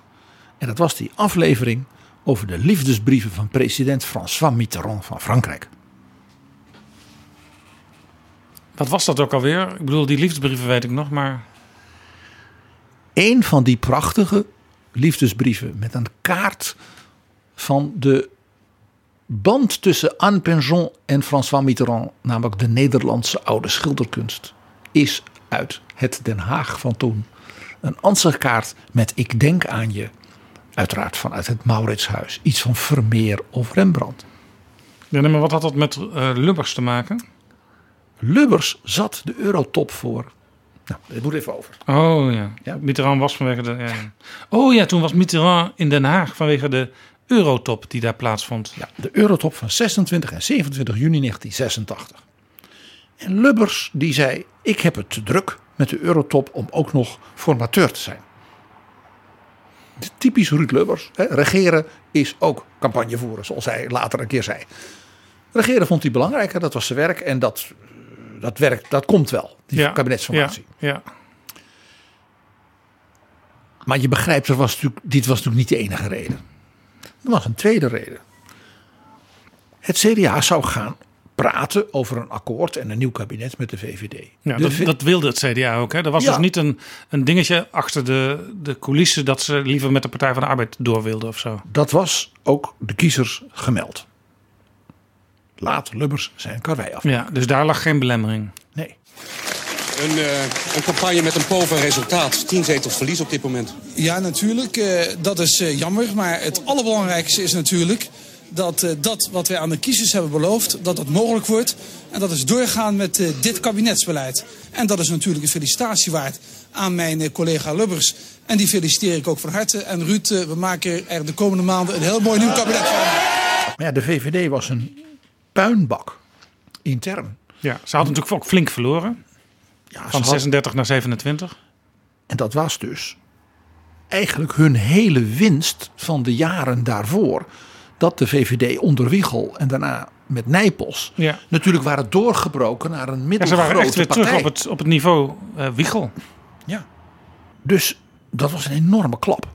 Ook voor die, zeg maar, de toekomststrategie van die partij. Van wat, wat, wat zijn we nu? Hoe ontwikkelen we ons nu verder? Men werd teruggeworpen op het verleden. En dus werd besloten dat de koningin eerst maar eens een verkenner zou benoemen. Die eens rustig zou kijken van wat zou nou de uitslag zijn. Want Joop de Uyl had toch ook een prachtige uitslag. Wat natuurlijk een flauwekul argument was. En als je nou iets rustig en wijs en zonder veel haast wilde laten doen in Nederland, was er natuurlijk maar één iemand die dan geschikt was voor die rol. Cenk Willink eh, had toen nog niet die status, maar ik raad het al. Ik, ik weet het trouwens, PG, PG. Jan de Koning natuurlijk. Natuurlijk, Jan de Koning. Die bij zijn benoeming werd gevraagd: ja, wat gaat u nou doen? Want u bent niet echt een volbloed informateur die in drie, vier dagen ja, het klaarmaakt voor informateur Lubbers. Nee, zei Jan, met, die, met dat, dat vriendelijke boerenhoofd en die glimlach van hem. Ik ben de snuffelhond van de majesteit. Jan de Koning was zo'n man die ook bij sleutelrollen die hij in de politiek speelde, met een verrukkelijk soort zelfspot en ook een beetje zichzelf minder belangrijk makend. Ja, hij was eigenlijk een soort, soort Louis Bill, maar dan leuk. Ja, ja, ja, ja. En ook, misschien ook een minder slecht karakter. En Bill die zat natuurlijk altijd eh, op de achtergrond en de koning die deed dit wel in de, in de openbaarheid. Ja. Ja, dat deed hij. In alle rust. En Jan de Koning was geen man die dan haast maakte. Dat was ook vanwege zijn gezondheid. Hè. Zijn vrouw Molly was altijd bezorgd dat hij eh, te veel deed. Want hij had ook een vreselijke hartinfarct gehad. En, nou, Begrepen ze, bij de. VVD, begrepen ze bij de VVD dat het eigenlijk om hun ging? Dat deze fase werd ingebouwd vanwege de VVD? je moet van de liberalen nooit te veel vernuft verwachten. De VVD was vooral met zichzelf bezig. Eh, daar speelde nog een heel ingewikkeld iets. Vandaar dat Lubbers zoiets had van nou voorlopig laat Jan maar. Ed Nijpels had dus die verkiezingen huishoog verloren. Maar was wel de fractieleider en dus ook de onderhandelaar van de VVD. Maar ja, zijn gezag was natuurlijk zwaar aangetast. Dus de koning moest vooral rustig, bedaard, een aantal onderwerpen is af. Ja. Het was dus ook voor het CDA nog niet helemaal zeker als je met Nijpels een afspraak zou maken. of die wel de volle vier jaar geldig zou blijven. Ja, eh, men zei wel aan de linkerzijde dat afspraken met confessionelen een scheet in een netje waren. Maar ja, met de VVD in zo'n situatie kon dat natuurlijk ook wel eens het geval zijn. En Lubbers daarvan was bekend, en dat gold niet alleen voor Lubbers, maar ook voor mensen als uh, Deetman en Brinkman en zo. Dat zij niet zo heel veel vertrouwen hadden in de kwaliteit en de betrouwbaarheid van de VVD. En al helemaal niet in die van Ed Nijpels. Dus de situatie was dus uh, ja, veel gevoeliger en ook dus ris risicovoller dan velen aan de buitenwacht beseften. Wij weten ook uit de, de geschiedschrijving en uit zijn eigen uitspraken daar later over. Dat uh, Frits Bolkestein, die toen uh, ja, nog geen hoofdrol speelde naar buiten toe. Uh, maar dat die zag: dit gaat niet langer zo zoals het nu met de VVD gaat onder Nijpels. Ja, en Bolkestein die had een soort dubbele afspraak binnen de VVD. Hij had een afspraak samen met Rudolf de Korte. Dat was zeg maar de economieman van de fractie. Dat zij samen Ed Nijpels de nek om zouden draaien als partijleider na de verkiezingen en de zware nederlaag die ook kwam. En dat zij dan samen zouden zien hoe het verder ging.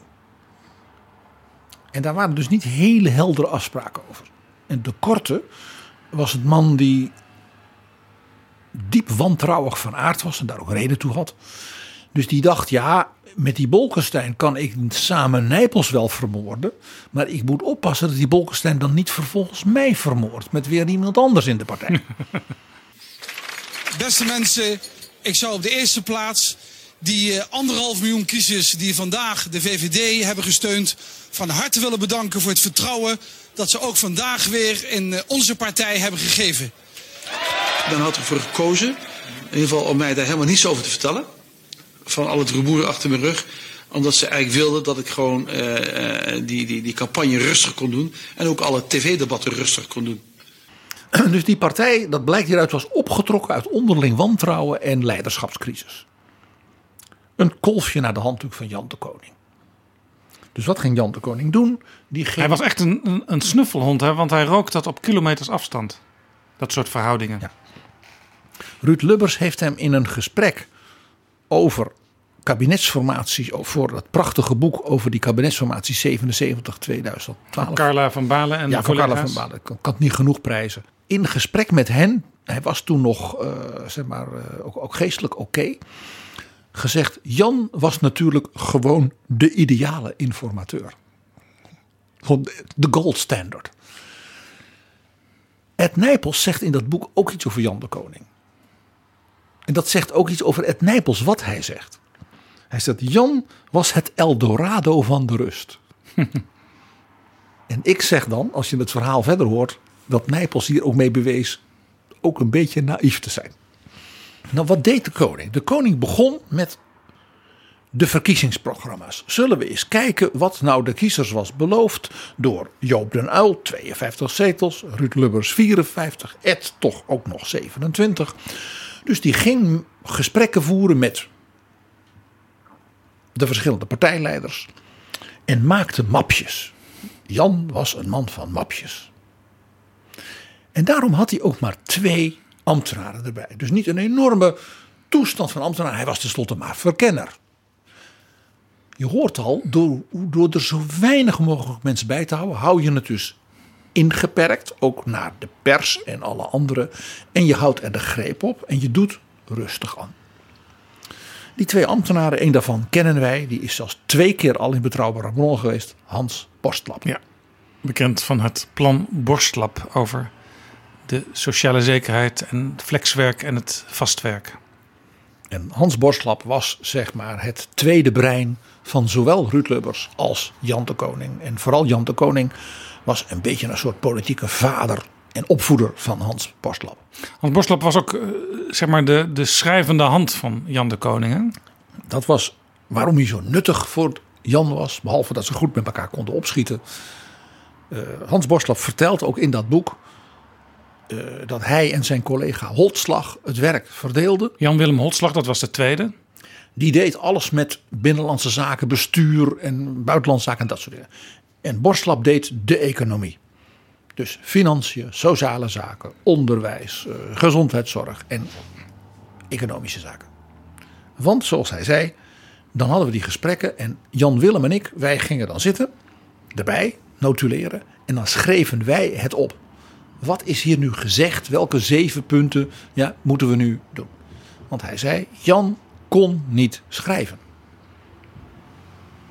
Jan de Koning was geen stylist. En was dus niet iemand die na zo'n vergadering kon zeggen: Oké, deze zeven punten. Ja, dus terwijl Jan de Koning wel de naam had, en dat zie je ook wel als je hem terugziet in, in oude beelden, om zeer zorgvuldig en eigenlijk geen, met geen woord te veel te formuleren en net wel eh, de laagjes erin te houden in zijn redenering, zodat hij altijd nog weer een terugvalpositie had, maar hij had er dus moeite mee om dat op te schrijven. Schrijven, Jan kon niet schrijven. Ik citeer nu letterlijk Hans Borstlap. Hij zegt alleen, wij, twee ambtenaren, konden dat wel, schreven dat op. En dat was altijd goed, want, zei hij, alles zat in die kop. Want Jan de Koning had dus die hele kabinetsformatie in zijn hoofd. Die kon dus in een onderhandeling zeggen, maar jij zei toen, zit daar dan niet een oplossing in? Maar het op papier als het ware vormen. Dus hij wist, wat de grote kracht van een echte leider is, dat je je beperkingen kent en weet wie veel beter is in die dingen dan jij. Bijvoorbeeld Hans Borstlap. Ja, en soms is het handig om zo'n heel klein zijpad, wat dan even terzijde wordt gezegd en wat later weer terug wordt gehaald, wel ergens in die verslagen al een keer genoteerd hebben. Want dan kun je daar ook weer naar verwijzen. Dan zeg je gewoon tegen die gesprekspartner eh, op 23 april, smiddags, weet je nog wel, toen zei jij dat. Dus Jan had die mapjes. Het zat in zijn hoofd en die twee kerels, die jonge kerels, die schreven dat heel goed op. En dan kon hij met dat mapje zeggen, als we het nou eens zo doen. En Jan nam de tijd hiervoor. We weten allemaal dat Jan de Koning ook vanwege zijn gezondheid nooit voor half tien binnenkwam. En dan ging hij de kranten lezen. Dan had hij een kopje koffie en dan bladerde hij door de kranten. En Hans Borstlap vertelde mij ook persoonlijk een keer. Jan bladerde door die kranten, hij las ze niet. Dat hoefde niet. Want hij wist al wat erin stond. Hij, hij was namelijk zelf de belangrijkste man van Den Haag op dat moment. Hij rook wat er in die kranten stond. Hij zegt, en dan maakte Jan grappen. Grappen en grollen ontleend aan het boerenbedrijf. Ontspannen, de dag rustig beginnen. En na tienen kwam dan de eerste bezoeker. Ja, dat kost dus tijd en dat was ook precies de bedoeling. Want zo heeft Jan de Koning, en dat weet ik dus uit die tijd, hè, door mijn eigen belevenissen. Toen heeft hij gezegd van kijk die VVD, dat moeten we even afwachten. Want als die zaak daar uit elkaar spat, dan moeten we voorkomen dat de rondvliegende scherven onze Ruud als formateur beschadigen. Dus eigenlijk had Jan de Koning ook de taak de scherven op te vangen. Juist. En te laten afketsen voordat ze bij Ruud Lubbers terecht konden komen. Precies. Hij was bereid beschadigd te raken voor Ruud en het kabinet en zijn partij. Nou, de koning die heeft toen een manoeuvre bedacht. Waarvan ik zeg, Mark Rutte, luister nu goed. Hij heeft een manoeuvre bedacht om het leiderschapsvraagstuk in de VVD op een hele subtiele manier, als het ware, ineens te agenderen en er druk op te zetten waar de VVD niet meer kon, als het ware, ontwijken. Ja, want dat is, dat is de kunst natuurlijk. Hè? Je kunt wel gaan zitten wachten tot je een ons weegt, want het zit in zo'n andere partij. Maar er moet iets gebeuren, want op een gegeven moment moet er natuurlijk wel een proces ontstaan. En er moet iemand zijn die met een zodanig gezag, gewicht en brieën politiek, ja, briljante manoeuvreerkunst, die dat moment weet en precies weet te doen hoe. En dat was de gold standard, de ideale informateur, Jan de Koning. Jan de Koning die zegt tegen Ed Nijpels bij het min of meer afronden van die mapjes. Nou Ed, zo komen we er wel uit. met die mapjes, met de Ja, inhoud. Ja, ja. Maar het probleem van de VVD was natuurlijk nog steeds niet opgelost. Men zat elkaar te beloeren in die fractie vol wantrouwen. Nee, als je de verkiezingsprogramma's naast elkaar legde en een beetje de verhoudingen, ja, dan, dan kon je er wel uitkomen. Maar daar ging het helemaal niet om. Dus hij zegt, als ik nou mijn verslag ga doen aan de koningin. Hè, dan komen die en die van jouw wensen erin en die en die wensen van het CDA. En ik, en ik overweeg dan de koningin aan te raden een formateur te benoemen. Want niet alleen zijn die mapjes wel helder, maar die Eurotop onder leiding van Ruud Lubbers in Den Haag.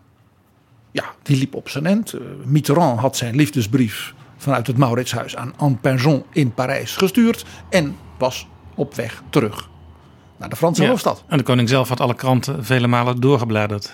En veel grappen gemaakt, ontleend aan het boerenbedrijf. De rogge staat er dun bij. En zegt dan dat hij dus overweegt de koningin te adviseren een formateur te benoemen. Dat was natuurlijk Ruud Lubbers, de beoogd premier. En een co-formateur. En dat was in feite natuurlijk een groot gebaar naar de VVD, die zo'n klap had gekregen van de kiezers. Ja, het was een beetje. Je moet denken aan die verkenners die in de, in de huidige formatie 2021 werden ingesteld. De D66 kreeg er plotseling ook eentje. En hier kreeg de VVD dus een co-formateur. Als bewijs dat die partij, hoewel zwaar gehavend, serieus genomen werd. Dan denk je, wat een opmerkelijke gulheid. Dat is in politiek Den Haag niet altijd het geval. Maar dit was natuurlijk een vergiftigd geschenk. Waarom was het een vergiftigd geschenk? De VVD werd hier door Jan de Koning gewaarschuwd dat ze dus binnen 24, 48 uur moesten aanwijzen wie nu hun leider was. Omdat hij anders de koningin dus een advies zou kunnen geven van ja, die VVD dat is een puinbak, majesteit. Hij dwong in feite de VVD tot intern orde op zaken stellen. Zoals de VVD vaak op de affiches zet, orde op zaken. Dus Nijpels gaat met die boodschap van de informateur en vooral natuurlijk ook van de persoon, de staatsman Jan de Koning, naar die fractie van hem. En daar breekt de pleuris uit, want hier had men natuurlijk volstrekt niet op gerekend. Ze werden dus overrompeld door de slimme de koning. Want die co-formateur was natuurlijk dan niet de onderhandelaar van de VVD. Nee, want de co-formateur ontvangt samen met de formateur de fractievoorzitters. En die fractievoorzitter, die selecteert dan de ministerskandidaten en de staatssecretariskandidaten. En één ding was voor de VVD duidelijk. Ed Nijpels, de grote verliezer bij de verkiezingen, wilde ze dat niet laten doen. Hoewel die wel de onderhandelaar was geweest. En het duo, de korte, Bolkestein, dat dus samen zwoer tegen Nijpels, moest nu ineens zijn kaarten op tafel leggen. En wat bleek? De VVD-fractie in overgrote meerderheid deed een beroep op Rudolf de Korte dat hij fractievoorzitter zou worden. En dat hij dus dan naar dat duo formateurs zou gaan voor de afronding. Nou, dat was dus geregeld, zou je zeggen? Nee. Rudolf de Korte barstte in woede uit. Er is met ruiten gesmeten, deuren gesmeten. Hij heeft huilaanvallen gehad. Het was één groot complot om te voorkomen dat zijn droom kwam. Minister van EZ. Hij wilde vicepremier op EZ worden. Dat was hem beloofd. Hij dacht dat hij dus die afspraak met Bolkestein had. Maar Bolkestein had dus zijn aanhang allemaal op hem laten stemmen als fractievoorzitter. En hem daarmee politiek gecastreerd. Eigenlijk. Ja, want het idee was, die, die co-formateur... die wordt ook de tweede man en de eerste man van de VVD in dat kabinet. Ja. En jij ziet het al. Ed Nijpels zou dan minister worden, maar kon niet meer onderhandelen als verliezer. De korte fractievoorzitter en dan de onderhandelaar. En wie zou dan die co-formateur worden? Frits Bolkestein. Slim hè?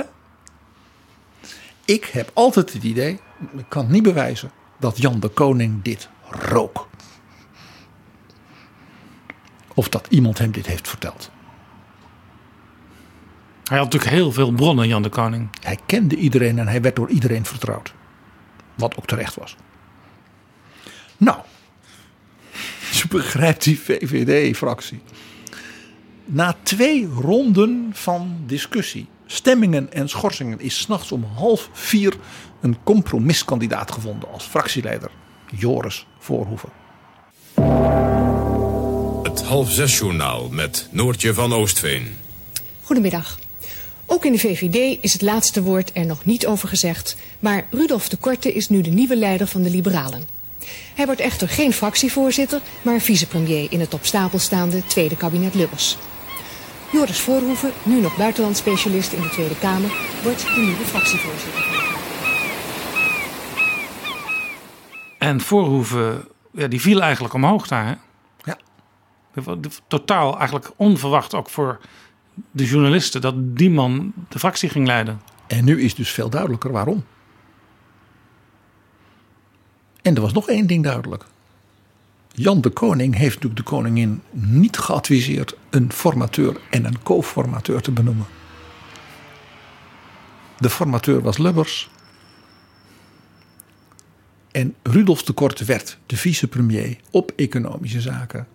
Maar Ruud Lubbers wist natuurlijk precies wat daar in die VVD gebeurd was. En wist dus dat hij als de premier met 54 zetels een coalitiepartner had die in duigen lag.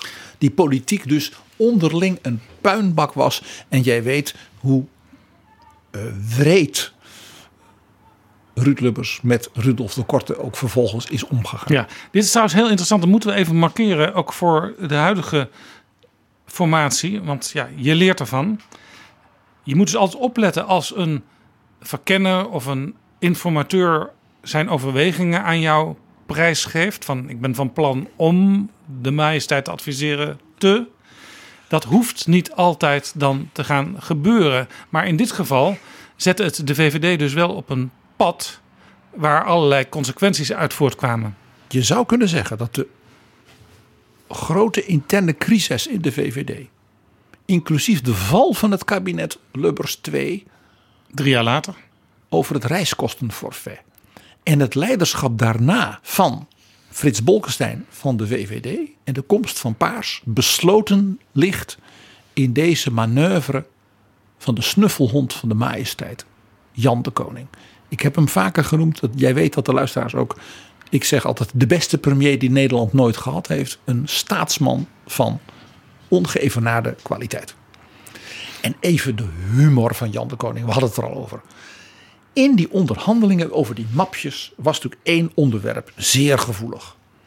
Dat was de wetgelijke behandeling en de positie van homoseksuelen in Nederland. En de VVD met mevrouw Capijne van der Coppello en zeg maar wat later ook de paarse vleugel in die partij was en de andere partijen wilden daar een nummer van maken. Grondwetswijziging en wat dan niet. Ja, het Nijpels zelf vond dat ook hele belangrijke zaken. Gewoon jezelf kunnen zijn, VVD. Gewoon jezelf kunnen zijn, VVD. En Jan de Koning had daar alle begrip voor. En dit, dat. En die. Maar die wist ook dat in het CDA er natuurlijk meer rechtzinnige protestanten waren die daar met moeite naar keken. En de katholieken die, ja. Hè. Nou, dus Jan de Koning dacht, kalman, dat was sowieso zijn opdracht. Dus die ging in die gesprekken voeren die veel tijd namen hierover. En daarin had Ed Nijpels zich laten prepareren. Ed Nijpels dacht, hoe kan ik nou zo'n de koning en dat CDA, en zeker zo'n de koning, nou overtuigen van onze goede bedoelingen hierbij. dus hij had een hele lijst bijbelteksten meegekregen, die hij kon citeren naar Jan de Koning, over waarin de Bijbel het toch opneemt voor de gelijkheid van de mensen. En nou, Jan de Koning die heeft dat wijs knikkend aangehoord en zei ja, er zijn ook dominees die wat andere bijbelteksten erbij halen, beste Ed. je hoort het Jan zo zeggen. En toen was het allemaal rond. En Jan had zijn advies aan de koningin klaar. En wat hij dan deed, was hij aan de gesprekspartners een cadeautje geven. Een cadeautje? Ja.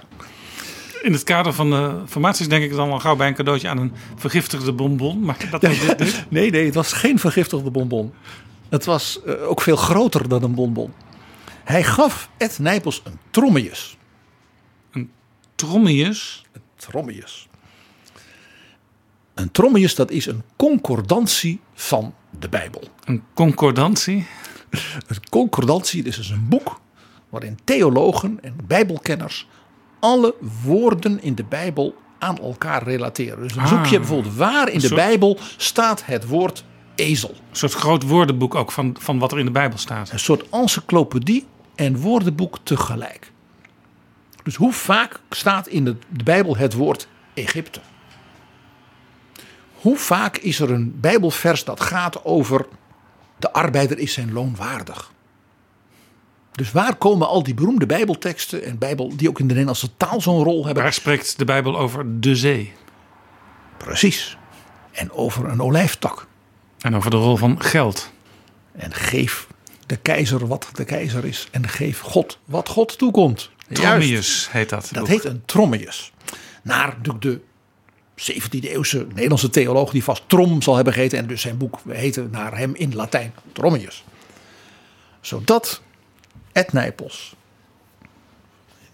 voort kon gaan met het uitzoeken van goede bijbelteksten.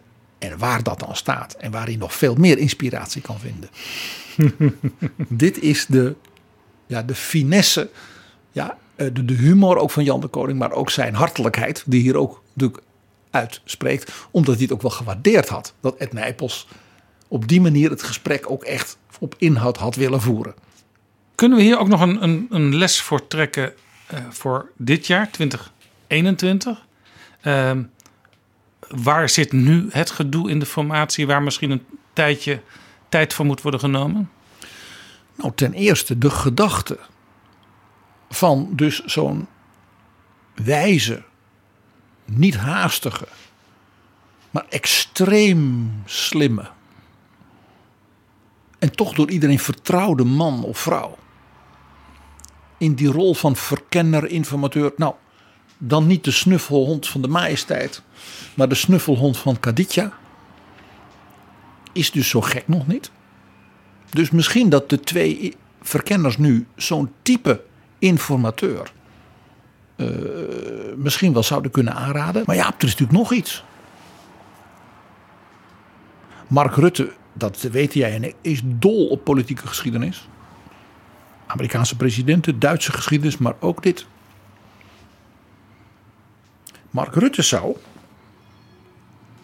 als we verder zijn in deze formatie, en er een situatie is dat hij zegt: ja, wat gaat het CDA nou doen na die nederlaag? Wonderlijke. Hoe is de verhouding nou tussen die Hoekstra en die Omtzigt? Wie volgt die Rutger Ploem nou op als partijvoorzitter? Is dat een tijdelijk iemand of is dat een gezaghebbende figuur die die partij gaat aanpakken? Dat weet Mark Rutte nu ook nog niet. Dus die zou dan misschien ook wel kunnen zeggen: Ik wil wel een co-formateur uit het CDA. Wopke. Dus laat mij binnen 24 uur, 48 uur horen wie. En dan met dezelfde gulheid als Jan de Koning het CDA dwingen tot helderheid intern. Ja, en sowieso helderheid over wel of niet deelnemen aan een nieuw kabinet. Hoe dus een van de aartsvaders van het CDA, want dat mag je Jan de Koning absoluut noemen,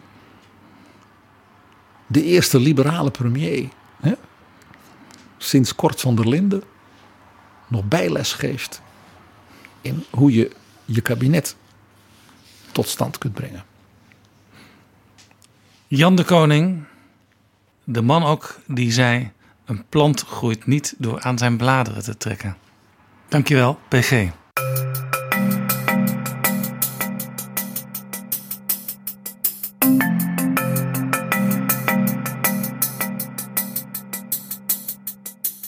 Zo, dit was Betrouwbare Bronnen, aflevering 179. Deze aflevering is mede mogelijk gemaakt door de vrienden van de show. Luisteraars die ons steunen met een donatie. Wil jij ons ook helpen? Ga naar vriendvandeshow.nl slash bb. Dus vriendvandeshow.nl slash bb. Tot volgende keer. Betrouwbare bronnen wordt gemaakt door Jaap Jansen in samenwerking met dag en nacht.nl.